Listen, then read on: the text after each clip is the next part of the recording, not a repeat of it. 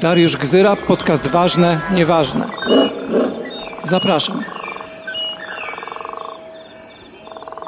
Zagłada przyrody wymaga innego języka niż gospodarczy.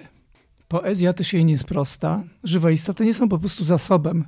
Martwe ciała to nie zanieczyszczenie.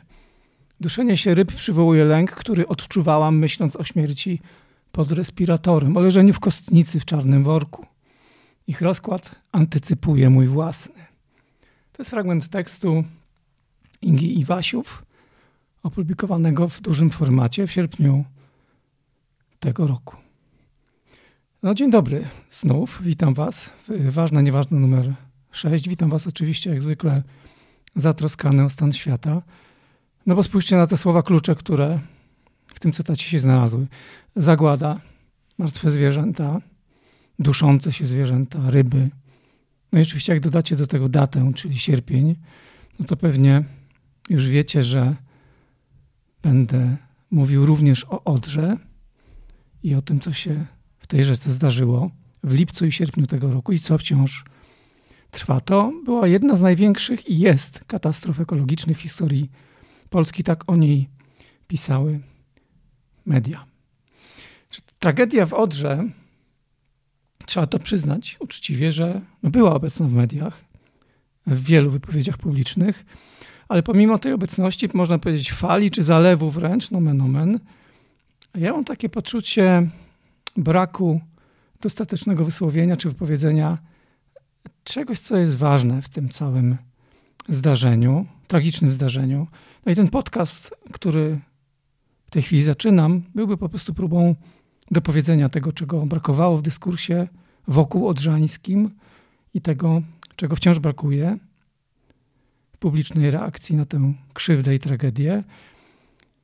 No i chciałbym też w ramach tego dopełnienia, uzupełnienia czy korekty tego dyskursu podkreślić kilka czułych, wrażliwych wątków, które jednak się w jakiś sposób przebiły, no ale które giną. W ogóle ktoś może spytać oczywiście, dlaczego teraz ja zamierzam o tym mówić. No, sprawa zamknięta, jak to się czasem o tym słyszy. Mamy październik, szurają liście po bruku, lecą z drzew, jakby po wszystkim już, nie? Uwaga opinii, opinii publicznej jest oczywiście gdzie indziej. No i po części jest to odrobinę usprawiedliwione. No mamy czas niestabilności ekonomicznej straszliwej, e, galopującej inflacji. Mamy też przecież e, to, co się dzieje na wschodzie, czyli to narzędzie szantażu bronią atomową, które ostatnio się uaktywniło. No to nie są bohe zdarzenia, ale pomimo tego, właśnie, właśnie dlatego, że ta uwaga opinii publicznej jest już trochę gdzie indziej, Trzeba o tym wciąż mówić, to chcę zrobić. A sprawa w ogóle nie jest zamknięta przecież. Ona będzie jeszcze bardzo długo aktualna. Problemy, które są przy okazji ujawnione, e, wciąż będą trwały, są w zasadzie ponadczasowe. Przyczyny tej całej sytuacji tragicznej w rzece Odra mm, nie zniknęły przecież. No i jeszcze coś ważnego, dlaczego akurat teraz miałbym o tym mówić. No po prostu jest to moment, kiedy można już zaczynać dokonywać pewnych podsumowań Otóż archiwum tych reakcji, naszych wspólnych reakcji na tę krzywdę i tragedię jest już e, dosyć bogate, tak można powiedzieć, choć oczywiście nie jest zamknięte. E, zresztą mam nadzieję, że no nie będę jedyną osobą, która e, to archiwum będzie analizowała, że to będzie częścią zarówno jakichś przytomnych opracowań w ramach literatury faktu, ale myślę też, że jest to kawał materiału po prostu dla badaczy i badaczek studiów nad zwierzętami, że to się będzie jeszcze przez wiele lat analizowało i o tym e, mówiło. Ten tekst Iwasie, w którym zacząłem podcast, na tle tego całego zalewu komentarzy jest e, oczywiście nietypowy i to nie chodzi mi o tę nietypowość, która wynika po prostu z faktu, kim jest Inga Iwasiów, że jest e, pisarką, jest poetką, jest literaturoznawczynią, więc pracuje w słowie, ma czułość na słowa, ma kontrolę nad słowem, ale tu nie o to mi chodzi. Chodzi mi o ten moment, kiedy ona empatyzuje ze zwierzętami, kiedy zwraca uwagę na jednostkową tragedię. To bywa trudne, wbrew pozorom, ale o tym jest też ten podcast, że kiedy problem przekracza wymiar jednostkowy, jak w tym przypadku, kiedy można powiedzieć dominuje taka perspektywa holistyczna, raczej mówimy o pewnych całościach, jak ekosystem czy rzeka, Mm, to coś może z nam zniknąć, co jest w mniejszej skali, choć równie e, tragiczne, to znaczy ten wymiar tragiczny nie znika wraz e, z przejściem do wymiaru jednostkowego i w tragedii rzeki naprawdę może zniknąć po prostu tragedia ryb, czy konkretnej ryby i to się niestety po dużej części dzieje. Więc mamy takie dwa wątki, które będą nam tutaj ten podcast organizować. Pierwszy to jest właśnie to ponowne zwrócenie uwagi na jednostkowe doświadczenie ofiar. To chciałbym, żeby zostało z tego mojego mówienia dzisiejszego. A drugi wątek to jest rola i status wędkarzy w tym, co się zdarzyło. Wędkarzy płci obojga zresztą w ramach e, tej tragedii. Ale zanim do tego przejdę, jeszcze odrobina o tle. I tutaj w tle też będę chciał uwzględnić pewne wtręty biograficzne, no jak zawsze zresztą w każdym podcaście, skoro to mój podcast, to trochę o mnie i musi być, więc troszkę będzie. E, ale najpierw o samych rybach. To jest dla mnie ważne, bo to też rzadko się chyba pojawia w przestrzeni publicznej. To jest bardzo liczna grupa zwierząt w dwóch sensach co najmniej tego słowa. To znaczy liczna, bo rzeczywiście bardzo wiele jest tych jednostek, które nazywamy rybami. Wiele z nich żyje ale również w sensie liczebności gatunkowej. No, znamy w tej chwili kilkadziesiąt tysięcy gatunków ryb. W różnej literaturze oczywiście te liczby się pojawiają różne. Chyba najczęściej ostatnio czytałem o liczbie 35 tysięcy y, gatunków. I to nam podpowiada drugą ważną właściwość, że to jest bardzo niejednorodna grupa zwierząt. Mogą niektóre stwierdzenia, które się w literaturze znajduje, a tu wyłuskałem akurat dwa z literatury anglojęzycznej ostatnich lat, mogą zaskakiwać. Więc posłuchajcie. Ryby różnią się między sobą prawdopodobnie o wiele bardziej niż na przykład żaby i ludzie. Albo inne. Niektóre z nich są bardziej spokrewnione z ludźmi niż ze sobą nawzajem. Oczywiście opinia publiczna, czy tak zwany przeciętny obywatel, o ile istnieje, w ogóle nie jest świadomy tego stanu rzeczy, ale biolodzy owszem są. No i oni właśnie, mm, to też znajduje swoje odzwierciedlenie w komentarzach w literaturze odpowiedniej, specjalistycznej. Oni traktują czasem określenie ryby po prostu jako określenie wyłącznie potoczne. Takie, które jest w jakiś sposób wygodne w codziennej komunikacji, no ale koniec końców słabo odzwierciedla rzeczywistą taksonomię, którą, którą oni się po prostu na co dzień posługują w swojej pracy naukowej. O, o, niektórych z tych zwierząt, z tej niejednorodnej grupy zwierząt, z pewnością wiemy, że używają narzędzi, Niektóre z nich potrafią się bawić, co zostało już udokumentowane. Zresztą to potrzeba, potrzeba zabawy i umiejętność zabawy wiąże się z dużymi umiejętnościami, zdolnościami kognitywnymi, to warto zauważyć. No mają długotrwałą pamięć, mają, mm, planują przyszłość, o tak można powiedzieć, są na pewno zdolne do rozpoznawania e, innych ryb jako indywiduów, jako odrębnych jednostek, ale również traktowania w ten sposób innych zwierząt. Posiadają też, to jest bardzo ważne w kontekście rozważań etycznych, mm, nocyceptory, czyli receptory bólu, no i do tego odpowiedni złożony układ nerwowy, no co sprawia ostatecznie, że można je uznać za zdolne do odczuwania. Jeśli są zdolne do odczuwania, to oczywiście po, mogą być skrzywdzone i powinny podlegać ochronie. Ale pomimo tej całej wiedzy, mm, nasza wiedza jest jednak niepełna. E, my nie wiemy wszystkiego nawet o tych zwierzętach, które już przyporządkowaliśmy do tych 35 tysięcy mm, gatunków. Jednak pomimo tej niewiedzy w naszych rozważaniach etycznych, czy może wolicie bioetycznych, ale też e, tego odbiciem jest oczywiście stan prawny, stosuje się taką szeroką właśnie kategorię e, ryby, ponieważ przyjmuje się takie ogólne założenie, że, że ryby są zdolne do odczuwania, wybierając drogę na skróty, prawda? Że dokonuje się pewnego uproszczenia, traktując wszystkie te zwierzęta, pomimo różnic, w miarę podobnie. To jest dobra zasada. To znaczy, w kwestiach związanych z etyką, zdecydowanie lepiej jest się po prostu pomylić na korzyść niż na niekorzyść jakichś istot. A więc ostatecznie przyjmuje się, jak powiadam, dobrze, że tak jest, że te różnice pomiędzy rybami mają znaczenie mniejsze niż wszelkie analogie, które nauka już rozpoznała, które mogą dotyczyć na przykład budowy ich ciał, środowiska życia, co oczywiste, czy też różnych zachowań tych istot, które też przecież wskazują, że są one podmiotami, a nie rzeczami. I tu ciekawe, że przecież w ogóle ta zasada, że nawet przy ograniczonej wiedzy przyporządkowujemy, przy, przyporządkowujemy przepraszam, mm, dużą grupę wewnętrznie zróżnicowaną zwierząt do kategorii podlegającej ochronie, dotyczy nie tylko ryb jako takich, ale w ogóle kręgowców. Przecież o kręgowcach też nie wiemy wszystkiego. Myśmy naprawdę, nawet jeśli zatrzymać się na grupie ryb, nie sprawdzili, czy każdy z tych 35 tysięcy gatunków ma zdolność do odczuwania. To jest w ogóle niemożliwe na tym etapie rozwoju nauki i postępów badawczych zrobić coś takiego, ale jednak przyjmujemy, że ryby jako grupa podlegają, powinny podlegać ochronie. A druga rzecz w tle, to chciałem jeszcze chwilkę powiedzieć o osobistych doświadczeniach mm, związanych z rybami. To pierwsze to będzie takie doświadczenie, które chyba można by przyporządkować do doświadczeń formacyjnych. Tu się cofamy do naprawdę zamierzchłej przeszłości, kiedy byłem dzieciakiem jeszcze, młodym chłopakiem z podstawówki. Wyjechałem z tatą nad jezioro, do Brodnicy zresztą. To taki zakątek e, wędkarski również. E, no, robiliśmy tam różne rzeczy, oczywiście, jakieś rowery wodne, jakieś łódki, próba nauki pływania, która szła tak sobie. No, ale oczywiście w pewnym momencie e, mój tata musiał zareagować, bo zacząłem się nudzić, więc zrobiliśmy wędkę z jakiegoś kija. Znaliśmy się jaką, jakąś żyłkę, jakiś tam haczyk i złowiliśmy dwie ryby. Chyba dwie, o ile pamiętam. W każdym razie były to okonie.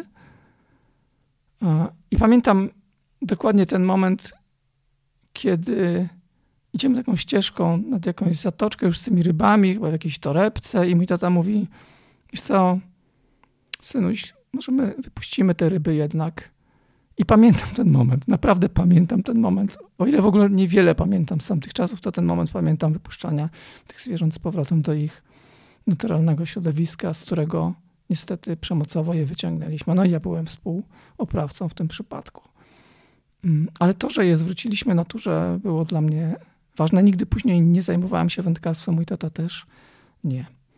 A drugi moment, który chcę przypomnieć, to jest rok 2003. No wtedy, na początku tego bardziej intensywnego mojego działania społecznego, kiedy wraz z grupą znajomych, które później mm, przez wiele lat tworzyła Stowarzyszenie Empatia, ustanawia nowe święto.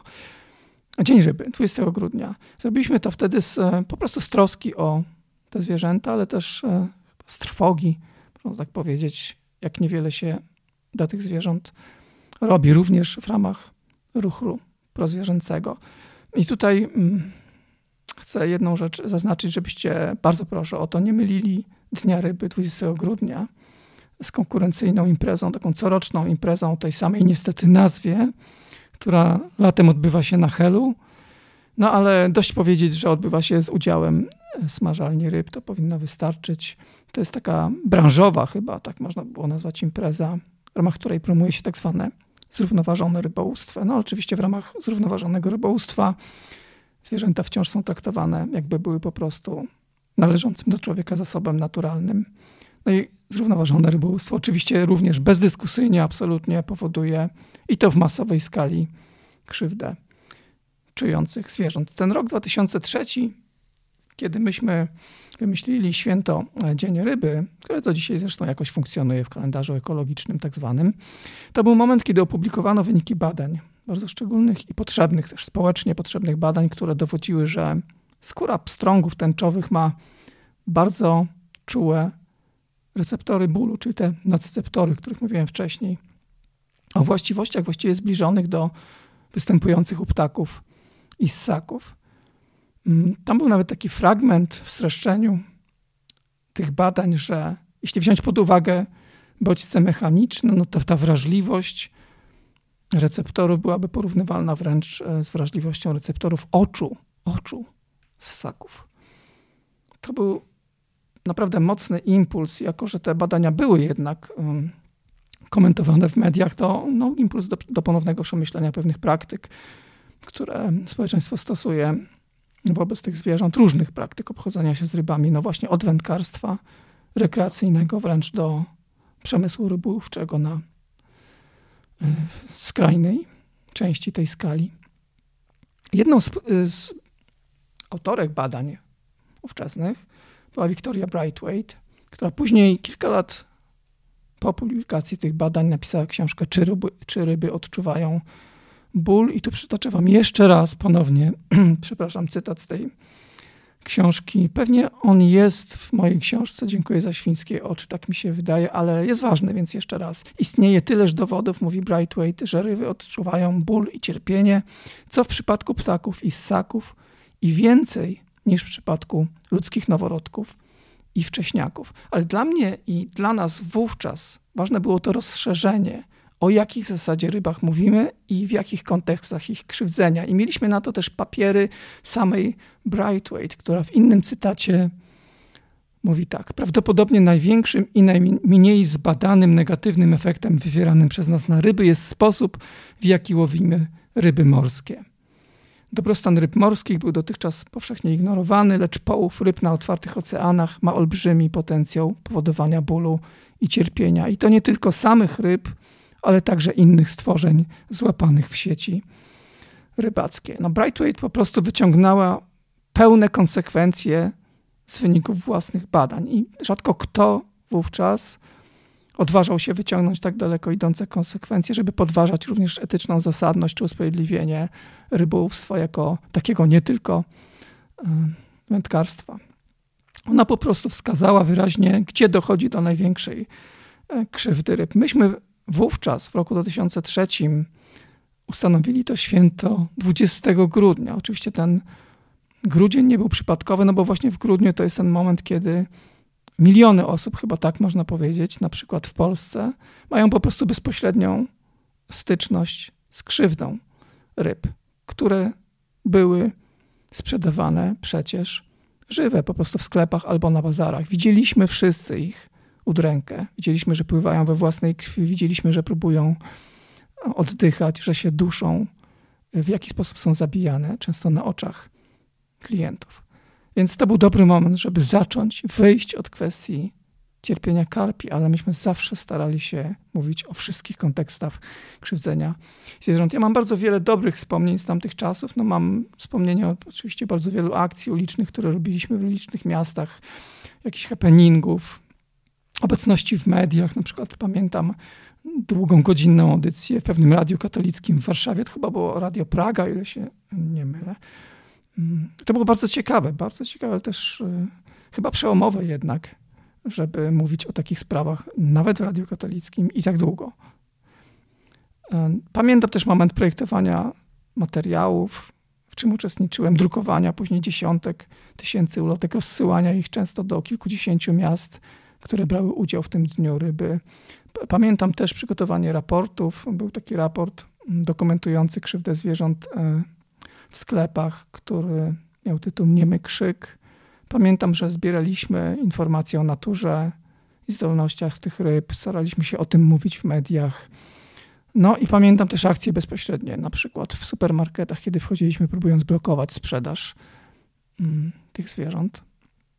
To są dobre wspomnienia, natomiast mam też mm, takie poczucie, wciąż je mam, poczucie niesmaku, odosobnienia w tamtej akcji i w próbach rozszerzenia tej akcji nie tylko na skarpi, na inne ryby w różnych kontekstach. No, o ile naprawdę dosyć łatwo było poprosić o dołączenie do akcji przeciwko sprzedaży żywych karpi, o tyle nie było zbyt wielu chętnych do mówienia o przemocy wędkarstwa na przykład, czy przemocy rybołówstwa. No i teraz wróćmy do tej Odry. Faktycznie było tak i wciąż jest, że ryby służą jako ilustracja tej tragedii i problemu, czyli służą jako dodatkowy dowód zatrucia rzeki. Ich martwe ciała pojawiają się na zdjęciach bardzo często, ale no właśnie pomimo tej całej ekspozycji dochodzi tutaj do jakiegoś fundamentalnego zupełnie przeoczenia. Anna Spurek w tekście Ryby Głosu Nie Mają, który został opublikowany w sierpniu tego roku, w portalu ngo.pl. Również pisała o tej no boleśnie fragmentarycznej debacie publicznej, tej części głównonortowej, która jest taką częścią mm, dominującą, jednocześnie najbardziej niekompletną, jeśli chodzi właśnie o te wątki, które powinny się tam pojawić. Pisała o braku ryb rozpoznanych jako istoty czującej Anna pisała tak: Ryby czują ból, jednak w historii Odrze media używają języka produktowego. Tony zdechły, padły. Tutaj na marginesie, bo chcę oddać Annie tutaj sprawiedliwość, że była jedną z niewielu osób w Polsce, które publicznie próbowały przełamać ten dyskurs. Opublikowała również tekst zatytułowany Świętej Pamięci Odra w miesięczniku Liberté. Oba te teksty są dostępne do przeczytania w internecie. E, w swoim tekście Anna też wskazywała, że były inne próby przełamania tego dominującego dyskursu towarowego. Tutaj wskazała akurat na to, co zrobił dr Robert Maślak, wrocławski badacz, biolog, który próbował naprawić język, jak, jakim mówimy o Odrze i tej tragedii. Próbował podpowiadać zamienniki tych słów, właśnie takich towarowych, czy mm, tych wszystkich zdechłych, padłych zwierząt zamiast umarłych czy cierpiących. No i oczywiście Anna wskazała również na niezawodną, jak zwykle, Karolinę Kuszlewicz i jej tekst Moja siostra Ryba, epitafium opublikowany w krytyce politycznej. Bardzo ważny tekst. Karolina pisze tak, to jest ona, ryba, ta, która czuje, chce pisać o niej, o tej rybie, tej istocie, nie o tonach. Tak się w ogóle zaczyna tekst Karolina, ale później jest jeszcze ten ważny fragment. Wszystkie duże stacje telewizyjne i rozgłośnie radiowe, progresywne czy konserwatywne, a także te lokalne, powtarzają za sobą komunikaty o tonach ryb, pisze Karolina, nie o milionach zwierząt. Mówią o padłych rybach, znacznie rzadziej o martwych, o tym, że są śnięte, a nie wymęczone, cierpiące, dogorywające, czy wreszcie zabite.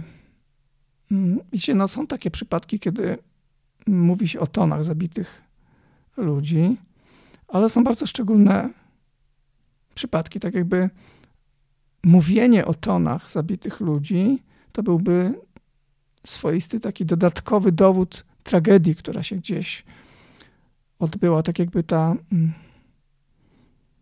częścią tej tragedii była po prostu bezsilność mówienia w inny sposób.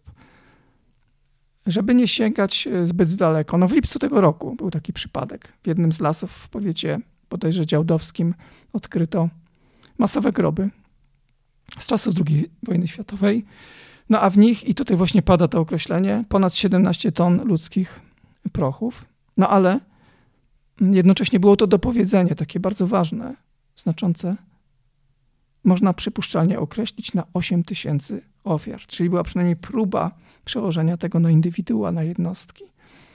Inny przypadek, kiedy się mówi jednak choć w tym trybie właśnie bezsilności takiej dramatycznej o tonach zabitych ludzi, no to oczywiście to, co się działo po powstaniu warszawskim w Warszawie, 6 sierpnia 46 rok i ten pochód dramatyczny, ale jednocześnie uroczysty pochód 117 trumn e, z prochami,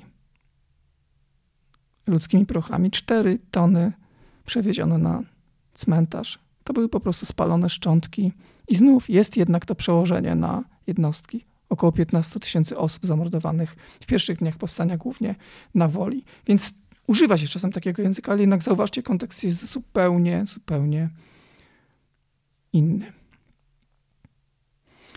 E, dalej, próbując wydobyć z tego dyskursu trochę inne, czulsze głosy, przychodzi mi do głowy jeszcze jeden artykuł, tym razem Magdy Piekarskiej, zatytułowany Mieli bliski kontakt z wodą z Odry, dostali krwiomoczu i gorączki, pytają, kto otruł naszą rzekę. To był tekst opublikowany w Wysokich Obcasach również w sierpniu tego roku. Przy okazji te tytuły robią się coraz dziwniejsze artykułów, ale zostawmy to. W każdym razie to była opowieść o osobistych doświadczeniach i odczuciach wybranej grupy osób, kilku osób, które w jakiś sposób były związane z Odrą. Na przykład jedną z nich była Patrycja Hewczyńska, to jest twórczyni muzyki, taka osoba, która jednocześnie oprócz tego, że jest artystką, mieszka na Barce, czyli jest bardzo blisko tej rzeki na co dzień, cały czas. Patrycja pisze tak, e, mówi tak w tym artykule. Nie raz i nie dwa wyciągałam z wody worki śmieci, widziałam dryfujące z nurtem pralki i podtrute ryby. W takich sytuacjach myślę o spełnieniu fantazji z tytułowego utworu Dywizji Wilków. To jest jej projekt muzyczny. I dalej Patrycja, śpiewam tam o zwierzętach, które dziś są ludzkimi ofiarami. Tu następuje ten moment, kiedy przytacza własne słowa. Marzy mi się, żeby użyły pazurów, kopyt i kłów, wyszły z lasów, zeszły z drzew, zastępy oczu i głów. A teraz siedzę na pokładzie i nie słyszę plusku ryb. To wydaje mi się takie czułe. Jest też cytat z Michała Zygmunta. To inna osoba, która jest muzykiem, a jednocześnie zajmuje się dokumentacją dźwiękową różnych miejsc, między innymi Odry, czyli zajmuje się nagraniami terenowymi. I Michał pisze tak, ten znów mówi w zasadzie, ta katastrofa odbywa się w ciszy, bo przecież ryby nie wydają głosu. Kiedy są żywe, możesz usłyszeć jedynie plusk, kiedy któraś wyskoczy nad powierzchnię, ale ich śmierci nie usłyszysz. Ale są też w tym artykule wypowiedzi innych osób, między innymi aktora i wędkarza, jednocześnie Mateusza Krzyka, który w pierwszej części mówi z pewną wrażliwością, zresztą posłuchajcie sami, cytuję, kiedy pomyślę, że sam, cały ten syf tam poszedł i że to wszystko mogło nie przetrwać katastrofy, płakać mi się chce. Widziałem filmy z brzanami, które przed trucizną próbowały uciec z Odry, ze swojego środowiska. Wyobraź sobie, ryby uciekające z wody umierały w niewiarygodnych męczarniach. Koniec cytatu. Więc widzicie, jest pewna wrażliwość, jest czułość na męczarnię, na krzywdę, ale niestety jest również ten moment, kiedy e, podsumowuje swój ostatni połów, ten jeszcze czerwcowy, czyli sprzed tragedii połów w Odrze i mówi, sum miał około metra, więc żaden rekord. Większego dwumetrowego okazu nie dało się wyciągnąć z nurtu, ale i tak było bogato, ale i tak było bogato. No i to określenie okaz Tutaj w tym drugim cytacie pojawia się po prostu ten język, który jest w zasadzie wszechobecny w tym dyskursie głównonurtowym, niestety, postodrzańskim, czy wokół tej tragedii. To jest taki język łowcy, język sportu, język kolekcjonerstwa okazów. Tego jest naprawdę dosyć dużo w archiwum reakcji na dramat w Odrze. E, na przykład jeden z artykułów w zielonogórskim wydaniu Gazety Wyborczej nosi tytuł Byliśmy z wędkarzami, którzy zbierają martwe ryby z Odry. To byłyby nasze okazy życia. Tak brzmi ten tytuł. I w środku mamy cytat. Wędkuję ponad 30 lat. Nigdy nie złowiłem takich okazów, jakie leżą martwe na brzegu Odry. Nigdy takich nawet nie widziałem. Następny cytat. Do tej pory nie myślałem, że takie wielkie płocie żyją w Odrze.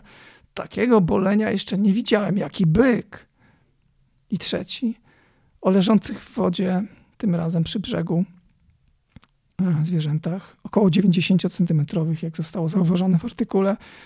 To wszystko medalowe ryby, okazy życia, marzenie każdego z nas. Czeka się na nie po kilkadziesiąt lat. I podobny język można znaleźć chociażby na portalu sport.pl. To jest portal, który należy do Agory, która ma na sumieniu wiele relacji pozytywnych dotyczących procederu wędkarstwa tak zwanego sportowego. Czytamy tam, dokładnie cytuję, zginęło mnóstwo okazów, ponadmetrowe, sandacze, choć najwięcej jest ich w przedziale 80-90 cm, brzany, nawet 60-centymetrowe klenie, do tego leszcze, okonie, a nawet miętusy.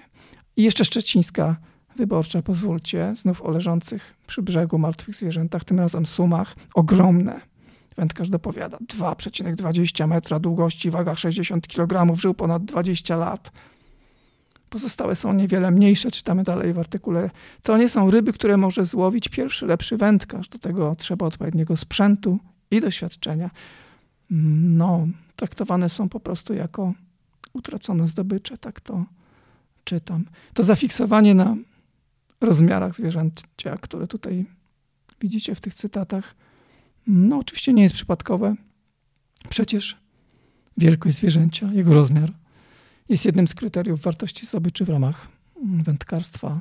Dokonuje się przecież stosownych pomiarów zwierzęcia, które się brutalnie przemocowo wyciąga z jego naturalnego środowiska. Często się robi też zdjęcia z tymi tak zwanymi okazami.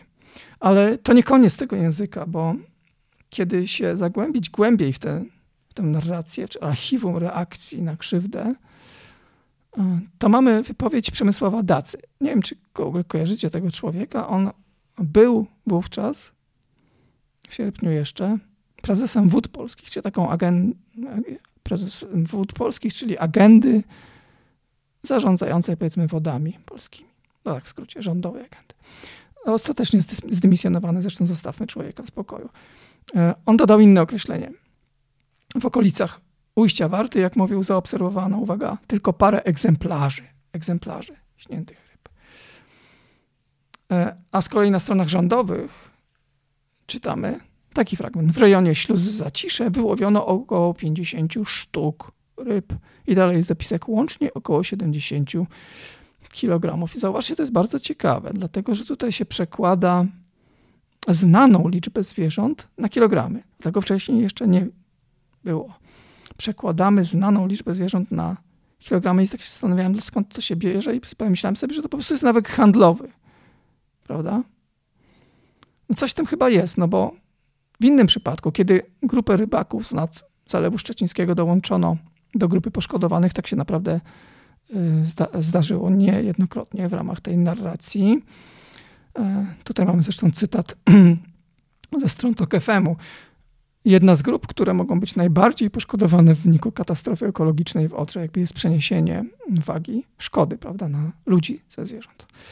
No więc w, pewnym momencie sytuacja dotknęła tej grupy rybaków, ofiar, e, ponieważ prowadzono zakaz łowienia ryb. No i prezes jednej z grup producentów ryb, jak to się czasem o nich mówi, oni się tak sami określają, powiedział, cytuję, dla każdego rybaka codziennie to przekłada się na setki kilogramów ryb, a co za tym idzie tysiące złotych, więc mamy jeszcze dalsze przełożenie. Tym razem te kilogramy, co mówiłem o nawyku handlowym, prawda, przekładają się konkretnie już na pieniądze, na tysiące złotych. To zresztą niestety nie jest e, koniec mm, szukania ofiar wśród ludzi. Właściciele smażalni w wielu artykułach zostali uznani za ofiary, ale również, no właśnie, sami wędkarze. W co najmniej dwóch kontekstach. Po pierwsze, w takim osobistym, psychologicznym kontekście. Mamy na przykład tekst po katastrofie ekologicznej Odra nie dla wędkarzy ani pływaków. Tekst, który ukazał się na portalu Rzeczpospolitej, autorstwa Janiny Blikowskiej i cytat A teraz wędkarze nie mogą łowić ryb. Jest to wielka tragedia. Załamują ręce wędkarze. Więc to słowo tragedia zaczyna być przyporządkowane raczej ludziom. I w drugim sensie mieliśmy tutaj konceptualizację wędkarzy jako ofiar, mianowicie w sensie politycznym, takich ofiar politycznych w sporze z państwem. Ten spór rzeczywiście miał miejsce. Oni jako grupa społeczna oskarżali faktycznie i powiem tak, że mieli w tym rację. Oskarżali państwo o niekompetencje w reakcji na tę krzywdę, tragedię, o opieszałość oczywiście, o manipulację oczywiście, o lekceważenie problemu jak najbardziej. Oskarżali także o próbę monopolizacji zarządzania rzekami. Był spór. Jest taki tekst, który nosi tytuł Zatruta Odra i polityka. Czy do winy Tuska i Niemiec dojdzie również wina wędkarzy, a przynajmniej prezes Olejarz? Tekst ukazał się Wyborczej, autorka Dorota Roman i tam czytamy, cytuję ratowali Odrę, a znaleźli się w centrum polskiej wojny politycznej. Wędkarze, którzy w zrywie społecznym ratowali Odrę, zanim państwo zaczęło cokolwiek robić, muszą teraz się bronić. Ale nie odpuszczę, mówi Beata Olejarz, prezes Polskiego Związku Wędkarskiego. Tak naprawdę ten artykuł był po prostu wywiadem z panią Olejarz, która dodaje później, za chwilę okaże się, że to wędkarze będą winni, że nie zrobili dokumentacji, nie pobrali próbek, nie zrobili zdjęć. Tam jeszcze pojawiał się później zarzut że siali panikę. E, zarzut ze strony rządu, dlatego że wędkarze opowiadali o tych rozpuszczających się rękawicach. Pamiętacie może o tym, o wysypce na skórę, na skórze osób, które były zaangażowane w oczyszczanie rzeki, mm, o i tak dalej. Więc zostali również oskarżeni o sianie paniki. Jest jeszcze jeden tekst. Tym razem nosi tytuł Jak wkurzyć wędkarzy, czyli PiS uczy nas, że wszystko jest polityką. I tu ważna rzecz, bo tekst ukazał się w krytyce politycznej z autorstwa Katarzyny Przyborskiej i tam jest też ten wątek, zacytuję, rząd wkurzył kobiety, młodzież, mieszkańców terenów wysiedlanych pod CPK, wreszcie partii rządzącej udało się wkurzyć wędkarzy. Rozumiecie? Wędkarzy, którzy potrafią całymi godzinami siedzieć cierpliwie ze wzrokiem utkwionym w toń wody i drobny spławik, który się na niej unosi którzy chcą mieć zwyczajnie święty spokój. O, nie chcę tutaj powiedzieć za dużo, ale no jest to specyficzna, chyba delikatnie mówiąc, konceptualizacja wędkarstwa, no ten obru, o, obraz mm, świętego spokoju, drobnego spławika i toni wody jest po prostu zupełnie wyczyszczony z przemocowych elementów, które są integralną częścią wędkarstwa. No nie był to e, dobry pomysł, to nie było dobre ujęcie tego zjawiska. Ja w ogóle nie twierdzę, że, że wędkarze nie byli obiektem ataku aroganckiego państwa, no to już wiecie, ale mm, nie twierdzę też, że nie mogli odczuwać poczucia straty w momencie, kiedy zobaczyli, co się dzieje w Odrze. Nawet myślę sobie, że w niektórych przypadkach faktycznie to odczucie mogli mieć dojmujące. Mogli na przykład czuć y, utratę piękna, czy utratę ekosystemu, czy utratę bioróżnorodności. Jeśli ktoś jest bardzo blisko katastrofy, myślę, że, że, że tak, że, to, że jest narażony na takie uczucia, ale dla mnie ważne jest jednak coś innego tutaj, że na to ich poczucie, którego, jak mówię, nie chcę kwestionować, kładzie się um, naprawdę dużym cieniem takie poczucie, że oni też tracą możliwość wędkowania. To też się powtarza, że tracą możliwość, inaczej o tym mówiąc, niepotrzebnego krzywdzenia, wyłapywania zwierząt z ich naturalnego środowiska. Ja nawet nie, wytru, nie wykluczam, że część z tych osób mogła mieć po prostu nawet traumy pourazowe po tym wszystkim. Zresztą taki język też się w opisie y, postodrzańskim pojawia. Na przykład prezeska PZW którą wcześniej cytowałem, powiedziała: Ci ludzie 24 godziny na dobę widzą śmierć rzeki. Jak zobaczyłam ten ogrom tragedii, sama nie mogłam z siebie wydobyć ani słowa. Widziałam ludzi, którzy płakali.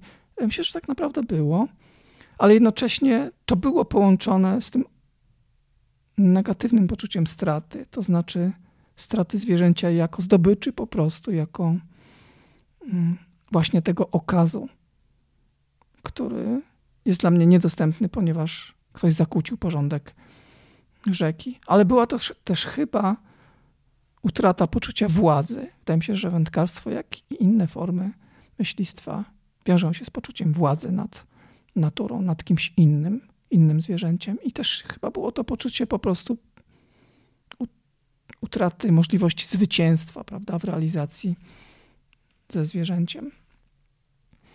W ogóle to naprawdę obecne w tych reakcjach takie poczucie, e, że oni byli ofiarni, to podkreślanie ofiarności, takiej specyficznej wrażliwości w ogóle zepchnęło w, w niebyt, niemalże w niebyt tę podstawową i bardzo problematyczną właściwość ich zajęcia, czyli, czyli przemocowość, którą ja z kolei tutaj w podcaście chciałbym bardzo podkreślić. I oczywiście znów tu trzeba przyznać, że no środowisko wędkarskie było faktycznie pierwsze na miejscu, no oni byli sygnalistami w tym przypadku, no ale to jest zupełnie no zrozumiałe. Przecież oni tam byli dlatego, że czekali na zwierzęta, no. Czekali na swoje ofiary, tym się zajmują, więc jakby są blisko tamtego miejsca z natury rzeczy. Oni faktycznie później poświęcili wiele godzin na monitorowanie całej tej sytuacji, na dokumentowanie tego, co się zdarzyło, a później na oczyszczanie rzeki, czy na przykład na natlenianie ponowne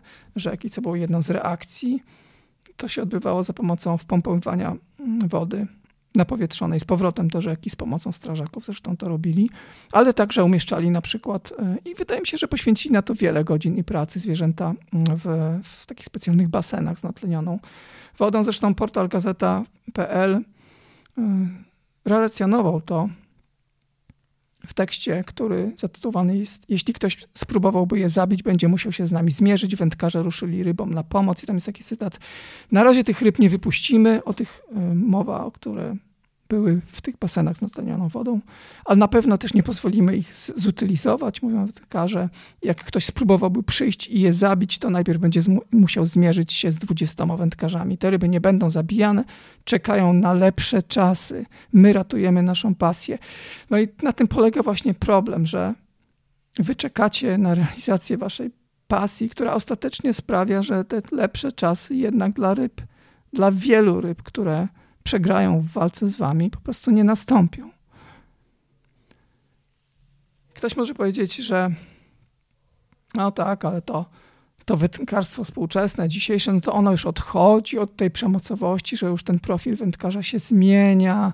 No i takie głosy też faktycznie się pojawiają. Znów wracamy do Beaty Olejarz, czyli prezeski Polskiego Związku Wędkarskiego, która w pewnym momencie tego wywiadu, wcześniej już przywoływanego przeze mnie, mówi: Ci ludzie są pasjonatami przyrody, wielu z nich idzie na ryby, żeby rybę złowić i zjeść. Tu Olejarz e, przyznaje, że dużą częścią tego środowiska są tak zwani mięsiarze, czyli ci, ci, którzy łowią ryby, zabijając je później i konsumując, łowią na ilość, jak się to czasem o nich mm, mówi.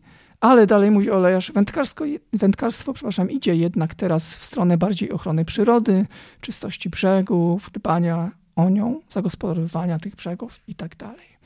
Więc tutaj jest narysowane takie przeciwieństwo, czyli właśnie z jednej strony mięsiarzy, którzy Mm, zabijają w sposób nieopanowany, taki brutalny, e, ze złych powodów zabijają, ale z drugiej strony są ci, którzy przeciwnie, hołdują zasadzie catch and release, czyli tej zasadzie złów albo złap, złap i wypuść, prawda?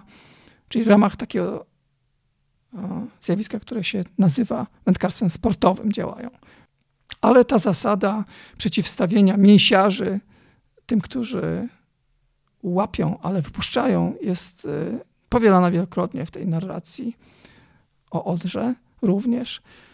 Ale co ciekawe, zdarzały się też takie przypadki, choć bardzo, bardzo rzadkie w całym tym archiwum reakcji, że oni sami jako wędkarze przyznawali, że ta ich pasja jest przemocowa.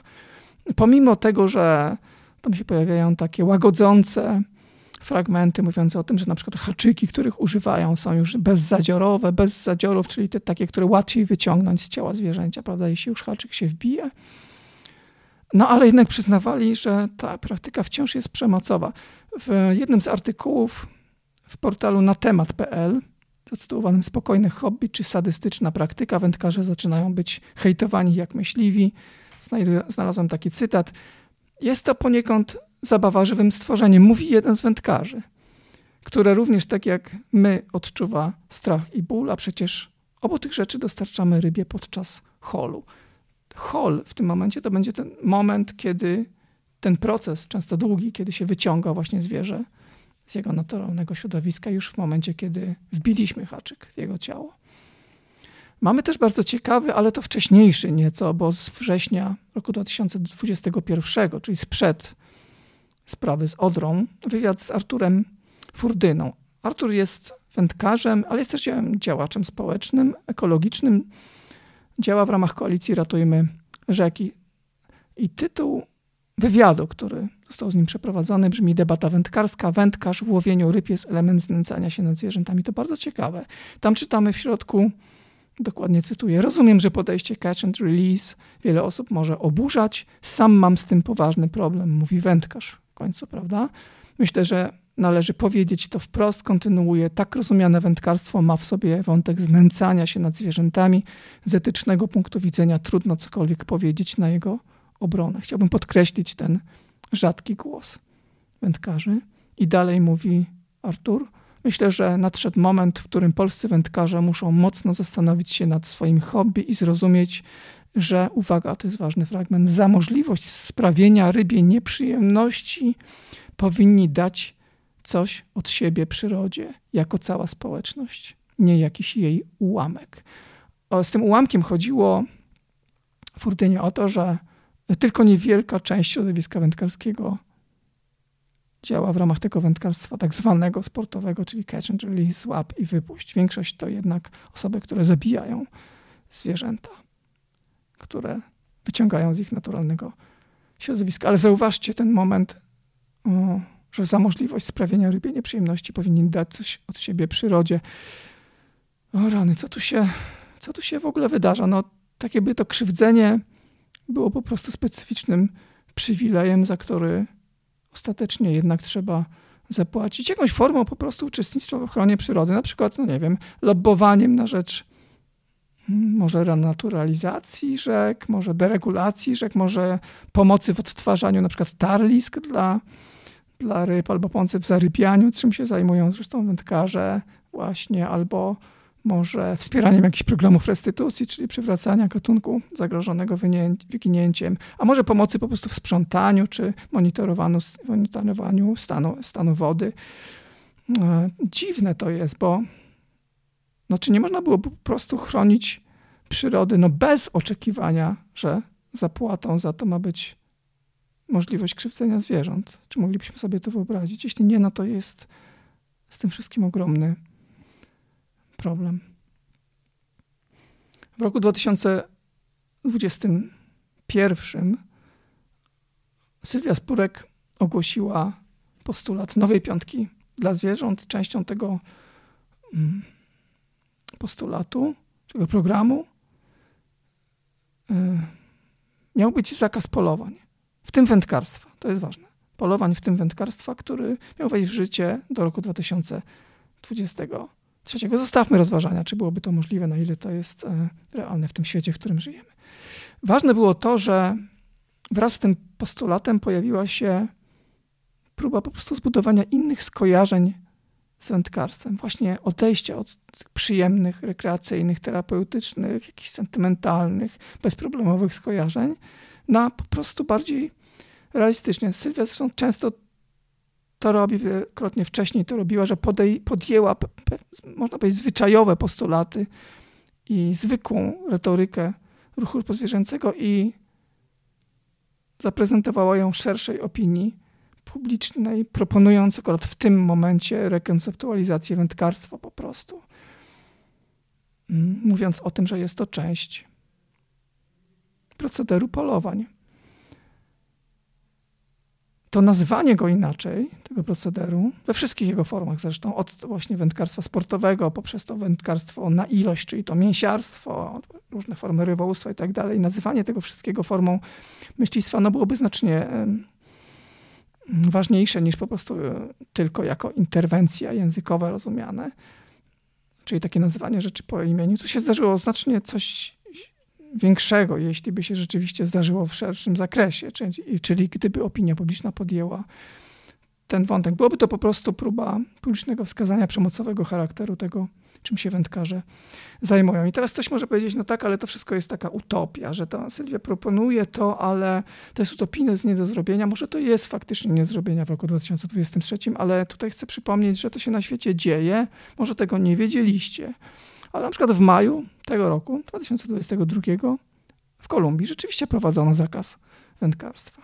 Czy to się wydaje już e, w tej chwili trochę mniej utopijne? No naprawdę zakazano wędkarstwa rekreacyjnego. Sąd Najwyższy Kolumbii uznał mm, wędkarstwo za niekonstytucyjne. I tam była zresztą nie tylko taka przyrodnicza argumentacja za tym ruchem, ale również dotycząca krzywdy e, zwierząt. Ale w ogóle, gdybyśmy chcieli tę narrację zmienić i faktycznie zgodnie z prawdą i z chyba zwykłym rozsądkiem uznać wędkarstwo i rybołówstwo za formę myślistwa, działalność przemocową, no to miałoby to daleko idące konsekwencje różnej natury. To długo by wymieniać, ale kilka z chęcią bym wymienił. To znaczy, na pewno byłoby trzęsienie ziemi w statystykach, w tekstach, które analizowałem na, na, potrzeby tego podcastu, pojawiały się różne liczby dotyczące osób, które rzeczywiście zaangażowane są w proceder myślistwa zwanego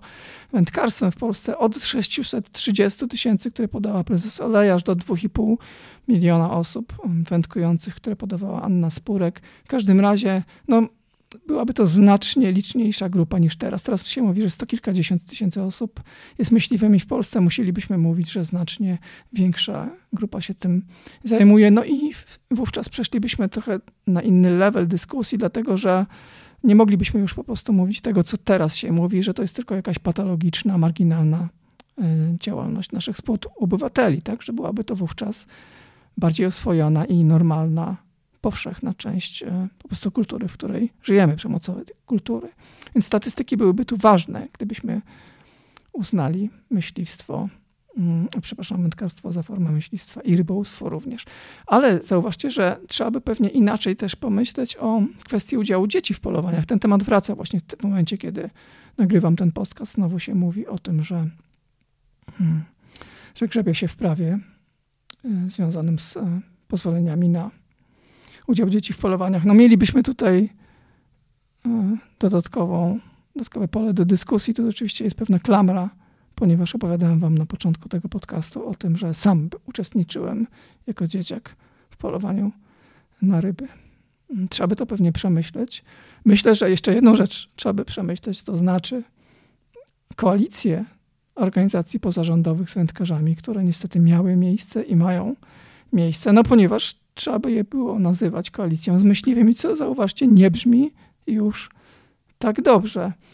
Więcej powiem, że pewnie trzeba by było uznać kilka i to takich ważnych, dużych, rozpoznawalnych organizacji, w tym organizacji mieniących się mm, ekologicznymi, za po prostu promujące myślistwo. No wszystkie te, które działają na rzecz tak zwanych zrównoważonych połowów, byłyby pewnie po prostu uznane za organizacje promujące formy myślistwa, co znów nie brzmi już tak dobrze.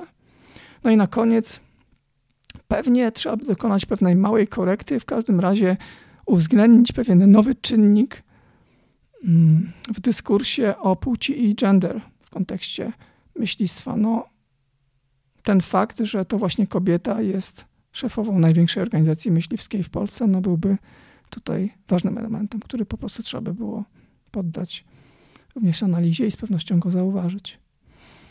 Ja w ogóle jestem całą tą sytuacją, no jak powiedziałem na początku, witając się jako osoba zatroskana, naprawdę zaniepokojony, bo my jesteśmy tak daleko od widzenia rzeczy takimi, jakie są i w zasadzie każdy dzień daje temu kolejny nowy dowód.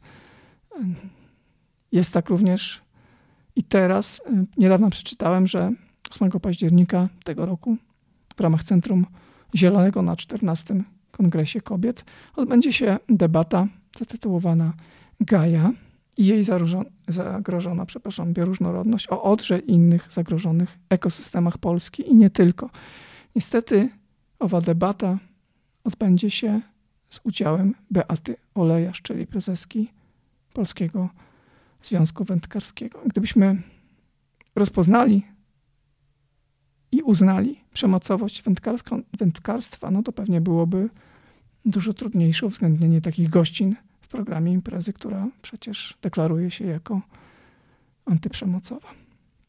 To jest bardzo niewesoła myśl, ale z drugiej strony bardzo realistyczna. Z tymi myślami Was chcę już dzisiaj e, zostawić. Bardzo zachęcam Was wszystkich do tego, abyście polubili profil podcastu Ważne, Nieważne na Facebooku. Tam są po prostu na stałe informacje na bieżąco o tym, co się będzie działo w następnych odcinkach, o tym, co się działo w odcinkach, które już zostały opublikowane i teraz właśnie, co się będzie działo w następnych. No, następny odcinek to będzie znów powrót do formuły rozmowy. Tym razem w tle tej rozmowy będzie pewna książka, która ma premierę w październiku tego roku.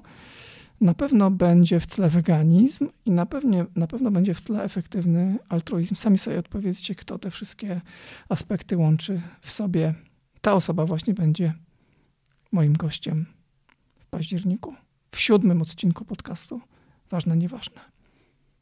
Dziękuję Wam bardzo serdecznie za uważność podczas tego podcastu. Trzymajcie się. Do usłyszenia następnym razem.